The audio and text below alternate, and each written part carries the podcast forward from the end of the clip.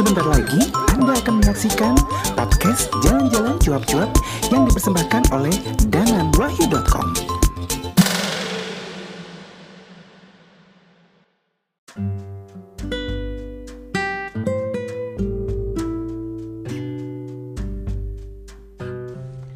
Assalamualaikum warahmatullahi wabarakatuh. Ketemu lagi nih dengan saya Danan di podcast Jalan-Jalan Cuap-Cuap. Dan sebetulnya sih podcast ini itu awalnya ngomongin segala sesuatu yang berhubungan dengan traveling ya.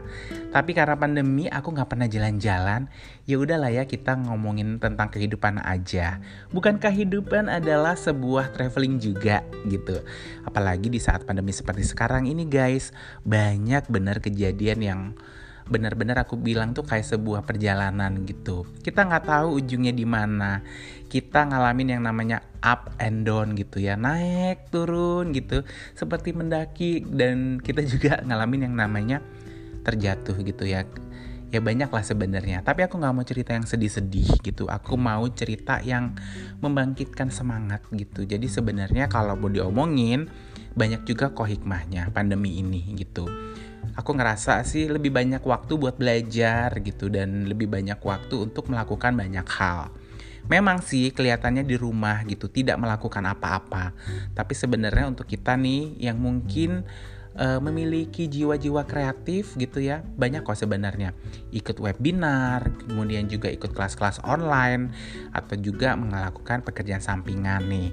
Kayak aku sebenarnya tahun kemarin sih memang aku tidak berniat untuk traveling karena aku ikut satu kelas Apple developer gitu yaitu sebuah kelas nirlaba untuk menciptakan uh, developer kelas dunia. Bukan developer bikin bangunan ya tapi ini bikin aplikasi gitu. Dan bersyukurnya sih pandemi gitu jadi lebih bisa fokus aja gitu nah ada satu pengalaman nih sebenarnya yang luar biasa ini bisa dibilang aku tuh hoki banget gitu. Jadi aku berkesempatan untuk belajar membuat skenario film gitu. Dan ini kayak uh, menginspirasi juga karena bersama dengan anak-anak muda gitu ya. Jadi kita tetap nih berjuang dan kreatif di tengah pandemi.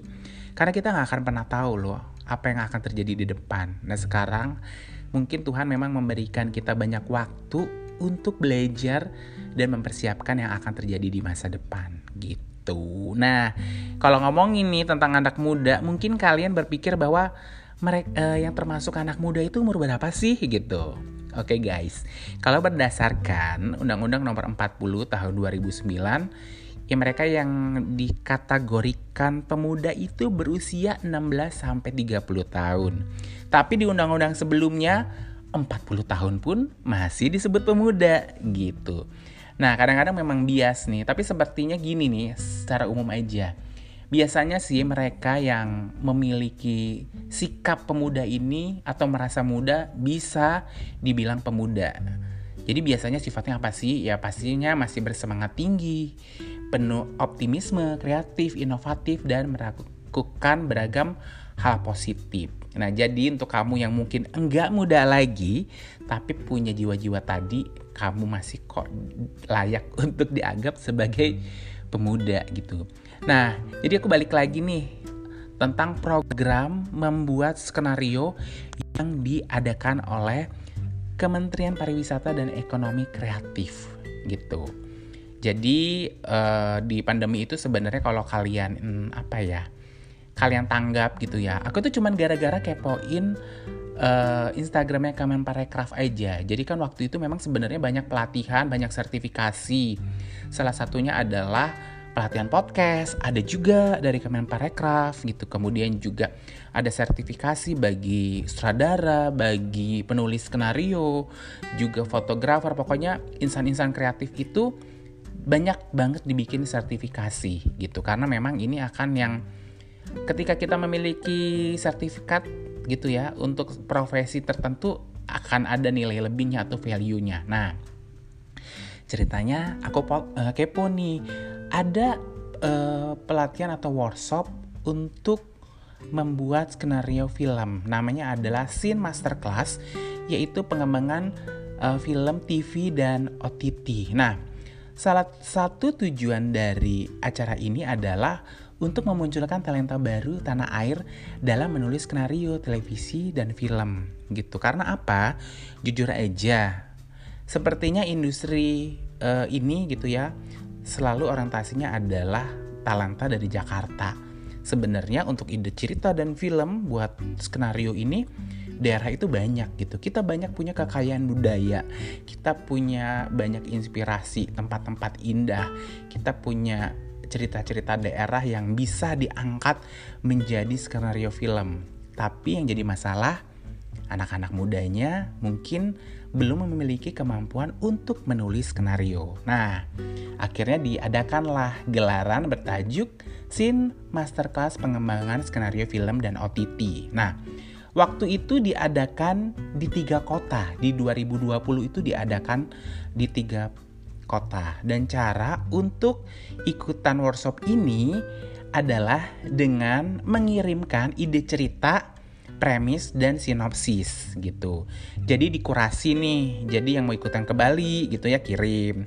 Di Jogja kirim, di Sumatera kirim. Nah, nanti semuanya ini akan dipilih 20 guys gitu. Sudah dipilih 20. Kemudian waktu itu aku ikut ikut yang di Sumatera Utara karena itu paling dekat dengan Batam. Awalnya beneran iseng gitu ya karena Aku aslinya adalah travel blogger, tidak pernah menulis fiksi, tidak pernah menulis cerpen, tidak pernah menulis novel, tapi jelas banyak punya ide gitu. Karena untuk ide idenya itu harus mengandung unsur muatan lokal nih, cerita daerah gitu. Ya paling tidak muatan lokal lah gitu. Ya waktu itu alhamdulillah terpilih nih menjadi salah satu dari 20 peserta di Sumatera Utara terbang deh cus ke Sumatera Utara gitu ya. Itu kondisinya memang pandemi tapi sudah agak mereda dan tetap menjalankan protokol kesehatan karena sebelum kita ikut kelas pun itu kan kelasnya kalau nggak salah 4 hari 3 malam di salah satu hotel di Medan. Tadinya rencananya di Samosir, cuman kayaknya agak susah untuk transportasi dan sebagainya untuk event ya udah digeser lah ke kota Medan. Kita juga melakukan rapid. Nah, setelah di rapid akhirnya baru ikut nih 4 hari 3 malam. Aku nggak nyangka ya kelasnya akan seperti ini gitu. Pengajar-pengajarnya luar biasa. Mereka adalah orang-orang yang profesional di bidangnya.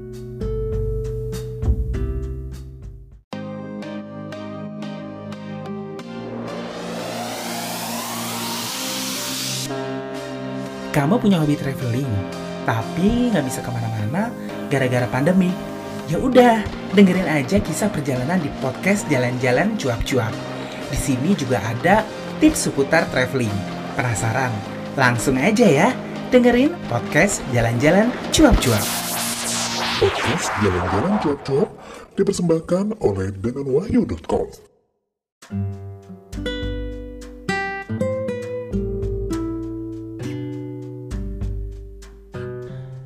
Tapi aku jujur sih, karena cukup berat juga maksudnya digemblengnya gitu karena selalu dikoreksi nih dengan si apa namanya mentornya salah salah salah gitu. Nah di hari terakhir uh, kita kan udah jadi nih apa namanya logline gitu ya sinopsis yang lebih rapi yang itu nanti jadi kalau kalian nih yang mau maunya ide cerita itu kalian harus bisa mempresentasikan uh, ide cerita dalam 5 menit kepada produser karena produser nggak punya banyak waktu. Nah, akhirnya ya wis lah ya.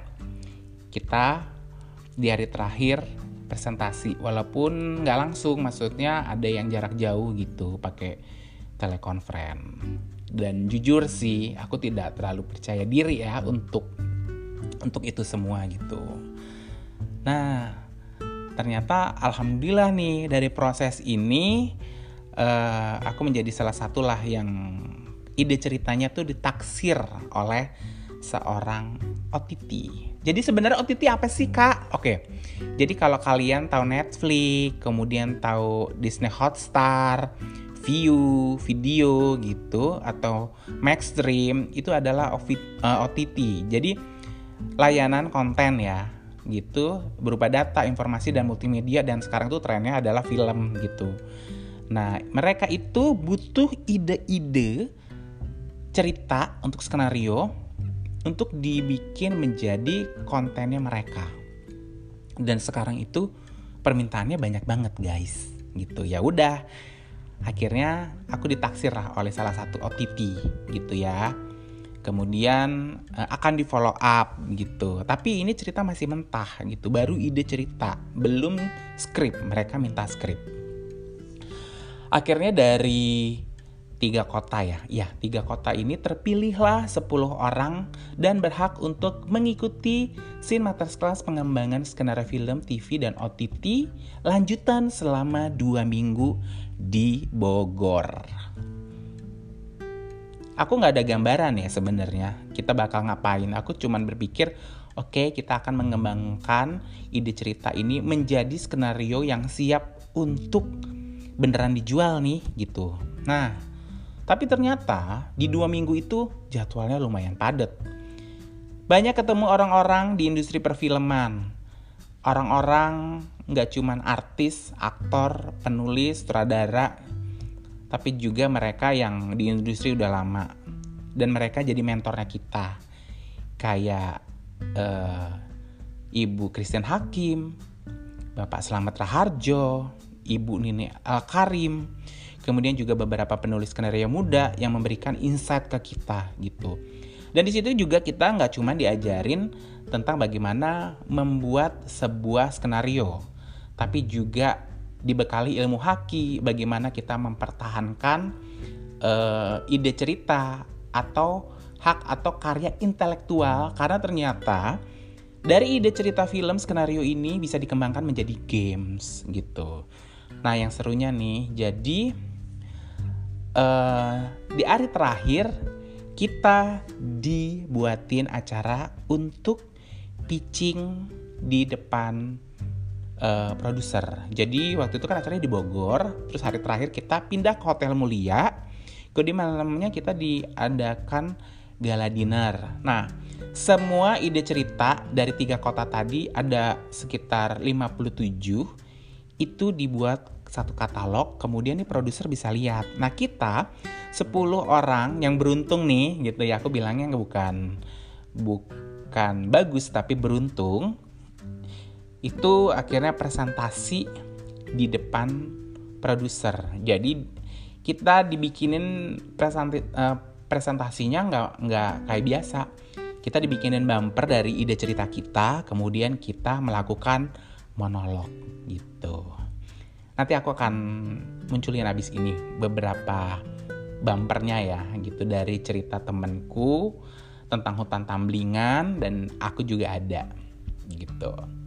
Dengerin yang satu ini ya guys.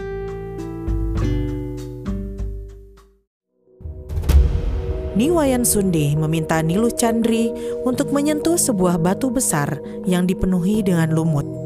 Begitu ia menyentuhnya, terjadi keajaiban batu itu berubah menjadi ribuan kunang-kunang yang berpendar berwarna hitam keperakan. Seketika, Nilu Chandri mampu mendengar seluruh pohon yang ada di hutan menyapanya. Seluruh hewan yang ada di hutan bermunculan pula menghampiri, mengucapkan selamat datang. Terakhir, seekor harimau tamblingan yang sudah punah mendatanginya, menyapanya dan memperkenalkan diri sebagai Mahabala, sang penjaga wahana dan dunia Tonya, dunia yang tersembunyi di balik hutan tamblingan. Mahabala meminta Nilu Chandri untuk berjanji agar menjaga kerahasiaan batu itu dari manusia yang penuh dengan keserakahan. Namun, setelah Nilus Chandri mengucapkan sumpah, ia pun menjadi bisu.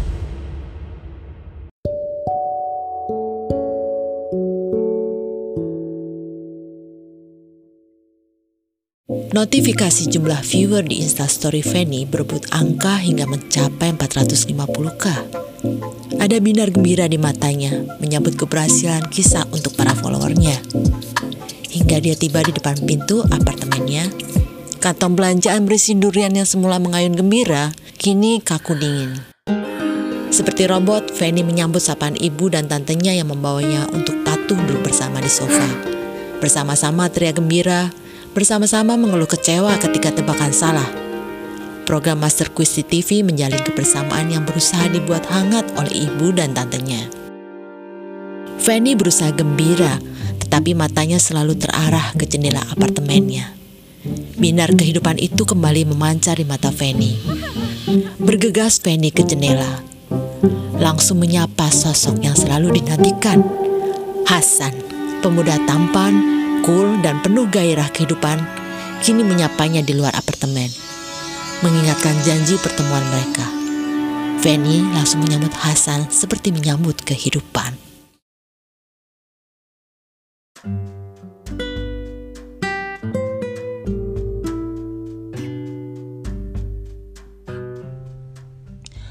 Oke, balik. Nah, terus setelah presentasi ada yang ditaksir gitu. Jadi beberapa ide cerita udah ditaksir nih dengan para produser-produser ini. Uh, aku tuh rasanya kayak nggak percaya aja gitu. Nah, dan yang paling menyenangkan adalah ini. Ide cerita kita itu tetap dikawal. Ini adalah kan proses inkubasi ya gitu. Kalau banyak proses-proses inkubasi lain kayak startup ketika sudah proses, kemudian uh, ada yang mau bekerja sama tapi tidak dikawal, ternyata pengetahuan kita secara hukum tuh minim. Banyak kejadian belum deal-dealan, ide cerita eh apa belum deal-dealan, ide udah diambil gitu. Nah, ya, ini uh, penyelenggara gitu ya, nggak mau nih kejadian kayak gini. Jadi kita tetap dikawal. Jadi ide cerita kita tetap dikawal sampai akad nikah. Sampai akad nikah itu maksudnya sampai terjadi deal-dealan nih gitu. Ya wis lah. Ada cerita yang sudah deal, sudah dikembangkan skenario nya dan sudah produksi gitu. Sampai saat ini ya gitu. Dan kalau ide cerita aku itu jujur banget karena syutingnya berhubungan dengan negara lain, Singapura ya. Jadi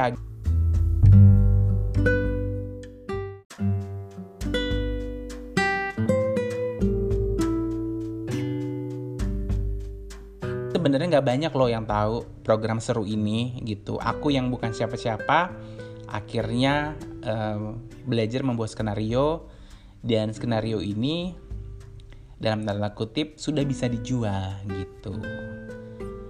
Nah, aku sih berharap nanti pandemi lekas berakhir dan proses dari ide cerita aku ini bisa terus berlanjut menjadi sebuah karya gitu. Nih aku mau cerita juga nih salah satu uh, yang punya temanku ide ceritanya itu judulnya adalah Moili Bulung ya. Ini ditulis sama Immanuel Prasetyo Ginting. Dan untuk sekarang ini proses produksinya sudah berlangsung guys gitu. Di dia mengambil lokasinya itu di Dairi Sumatera Utara Kabupaten Dairi gitu.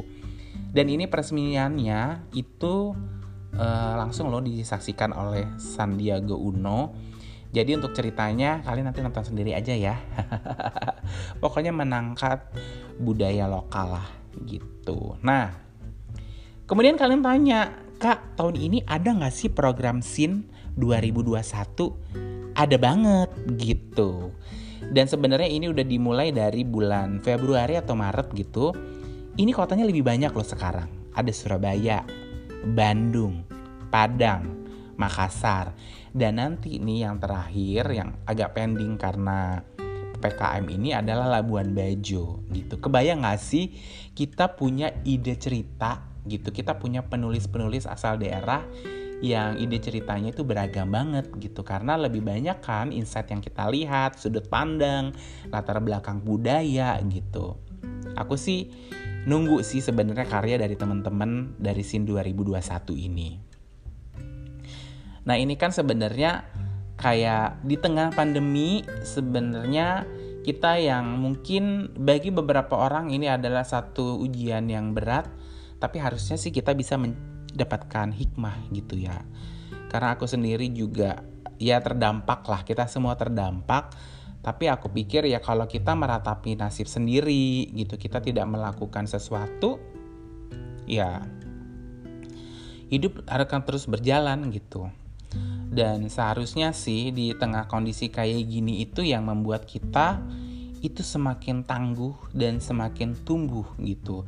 Kita tangguh menghadapi segala cobaan, tapi kita tetap tumbuh untuk menjadi sosok atau insan yang lebih baik. Kita belajar banyak, kita belajar, uh, kita tetap melakukan hal-hal kreatif gitu. Itu yang ada di pikiran aku. Dan kalau sekarang sebenarnya agak menyedihkan adalah ketika terjadi kondisi seperti sekarang tuh kita sering menyalahkan.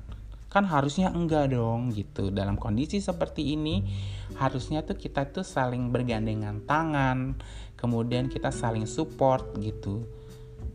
Untuk uh, untuk menghadapi bencana ini. Dan kalau bencana ini aku bilang bencana ya memang benar-benar bencana. Sudah selesai mestinya kita bangkit nih guys gitu. Tetap berkreasi, berinovasi, melakukan hal-hal yang baik gitu karena ya hidup harus terus berjalan gitu. Indonesia sudah 76 tahun dan harusnya di usia yang setua itu kita ini semua sudah mengalami yang namanya kedewasaan berpikir, kedewasaan berpolitik itu penting banget loh bisa menerima perbedaan. Aku pikir berbeda sudut pandang, berbeda pandangan politik is okay, tapi kita tetap berusaha ingin untuk maju gitu, tetap ada keinginan untuk tumbuh gitu. Karena kita tidak akan pernah bisa hidup di satu titik karena kehidupan ini kan harus bergerak gitu. Ya ya, untuk kamu nih anak-anak muda gitu ya tetap berjuang di tengah pandemi. Banyak loh sebenarnya peluang yang bisa kamu dapatkan gitu. Seperti yang aku ceritain ini contoh kecil aja gitu. Karena sebelum di sebelum aku ikut uh, apa namanya workshop scene ini aku pernah juga ikut untuk workshop podcast yang dilakukan oleh Kementerian Pariwisata dan Ekonomi Kreatif. Gitu. Jadi rajin-rajin aja nih kepoin instagramnya kementerian gitu. Dilihat kira-kira ada workshop apa nih yang bisa mendevelop kemampuan kamu yang sesuai dengan minat dan bakat kamu. Oke? Okay? tetap bahagia. Dan semoga ini bermanfaat ya gitu. Dan aku tunggu untuk kamu yang memang beneran pengen belajar bikin skenario film tungguin. Walaupun tahun ini cuma ada nanti di Labuan Bajo aku yakin ya di di scene 2022 itu bakal tetap ada program ini gitu. Terima kasih sudah mendengarkan aku selama 20 menit dan semoga ini bisa memberikan inspirasi. Jika ada kata-kata yang kurang berkenan aku minta maaf ya. Dan akhir kata wassalamualaikum warahmatullahi wabarakatuh